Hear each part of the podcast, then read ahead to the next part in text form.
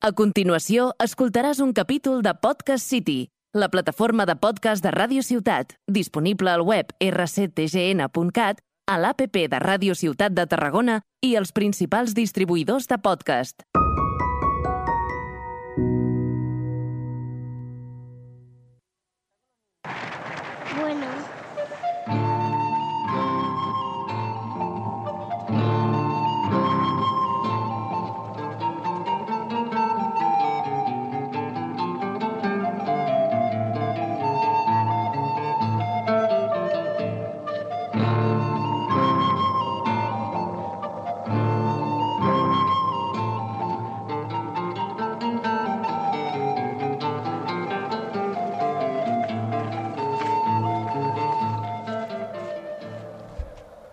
Benvingut, benvinguda.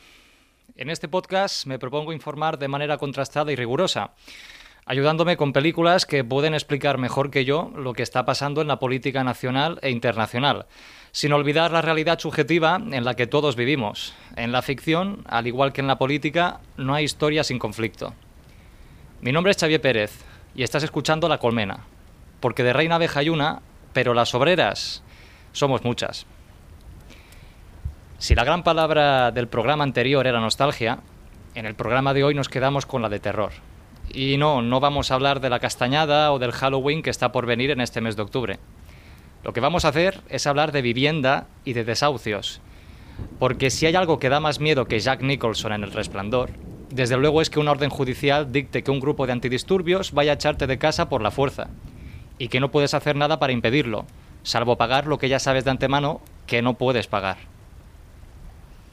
Eso sí que es horror, horror, horror, y no lo que decía Marlon Brando en Apocalypse Now de Francis Ford Coppola. Vamos a hablar precisamente de eso, de vivienda y de terror, o del terror de la vivienda, que es básicamente lo mismo a veces. Lo vamos a hacer con el estreno de En los márgenes, gran película dirigida por Juan Diego Boto, en su debut como actor y director al mismo tiempo. Un filme que recupera el legado perdido de Los lunes al sol, ofreciéndonos una historia de historias cruzadas, donde todos los personajes han de enfrentar en unas 24 horas distintos retos y conflictos relacionados con la vivienda. Tenemos a Luis Tosar haciendo del mejor sindicalista posible y también del peor padre y marido posible. Luego tenemos a Penélope Cruz interpretando a una madre coraje que, aun con el tremendo desasosiego que arrastra, no se deja arrastrar por la amenaza del desahucio que pone en peligro su vida con la de su hijo y junto a su marido. El papel del mismo Juan Diego Boto, un hombre que simplemente ya se ha rendido, es precisamente el marido de Penélope, del personaje de Penélope Cruz. Ambos relatos se cruzan en varios momentos de la película, el de Luis Tosar y el de Penélope Cruz. Pero lo más importante es que la película no esconde el realismo crudo de lo que hay detrás de la no alternativa habitacional. No voy a hacerte ningún spoiler ni nada parecido, pero sí te digo que esta película, a diferencia de otras pelis de fin de semana que terminan endulzándolo todo con un final más feliz que la propia vida real, no se deja amedrentar por el gusto fácil del espectador medio y acaba optando por un final que no es de cuento, sino de espanto. El espanto que se produce en España con los más de 100 desahucios que se efectúan cada día. Cada día, unas 100 familias a la calle, sin casa, sin nada.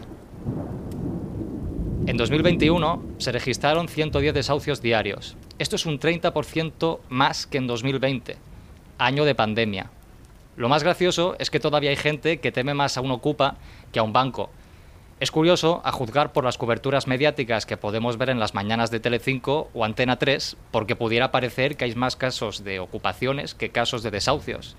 Y esto es mentira, comprobado. No puede ser más falso, de hecho. Es gracioso que se hable con absoluta ligereza de los ocupas y que a la vez se pase por alto las posibles motivaciones psicosociales que pueden esconderse tras este diminuto paradigma.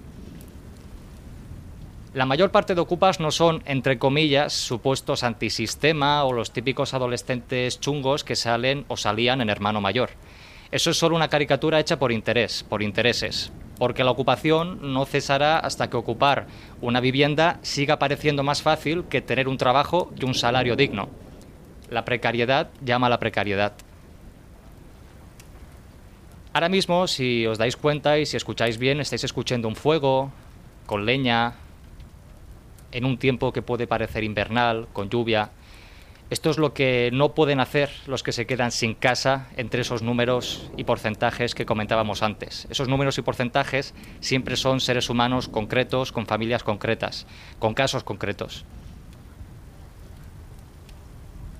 Si queremos entender por qué en el programa de Ana Rosa, por ejemplo, se habla tanto por las mañanas de Ocupas y más Ocupas, debemos ir a comprobar quién o qué financia Telecinco. Securitas Direct, por ejemplo, financia esta tele, a la tele de Berlusconi, a base de publicidad y patrocinio, y más publicidad y patrocinio. Dime con quién vas y te diré quién eres. Dime quién te da la pasta y te diré de qué te dejan hablar.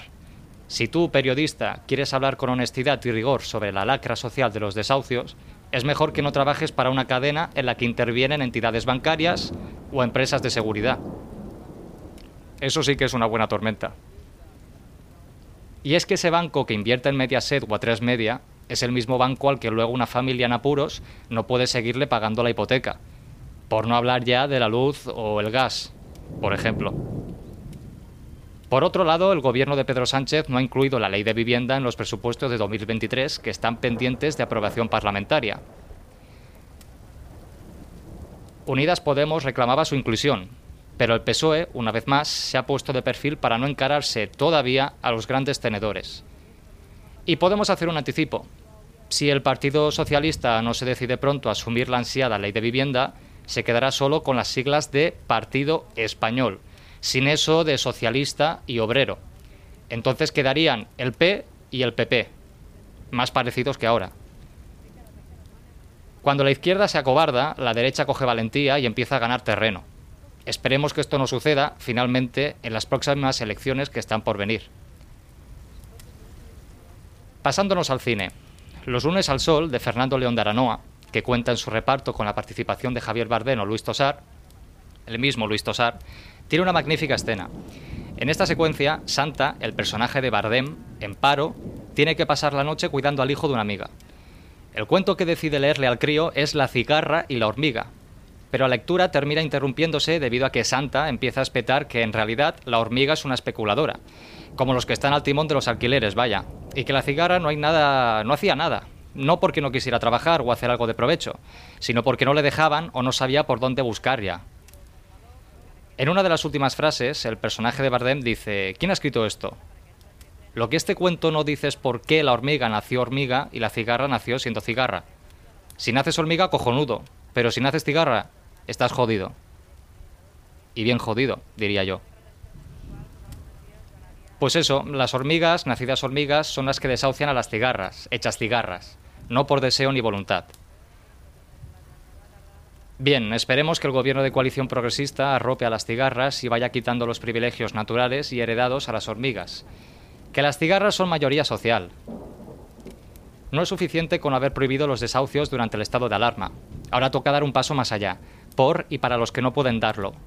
Ni tienen voz ni voto.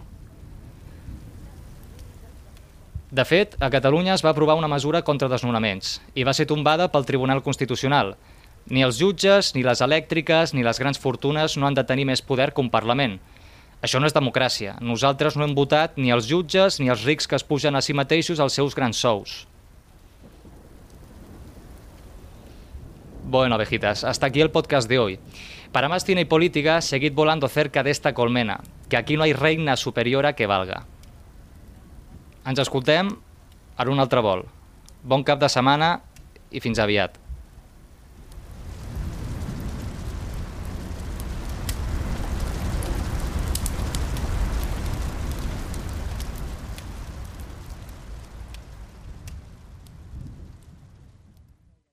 Has escoltat un capítol de Podcast City, la plataforma de podcast de Ràdio Ciutat, disponible al web rctgn.cat, a l'APP de Ràdio Ciutat de Tarragona i els principals distribuïdors de podcast.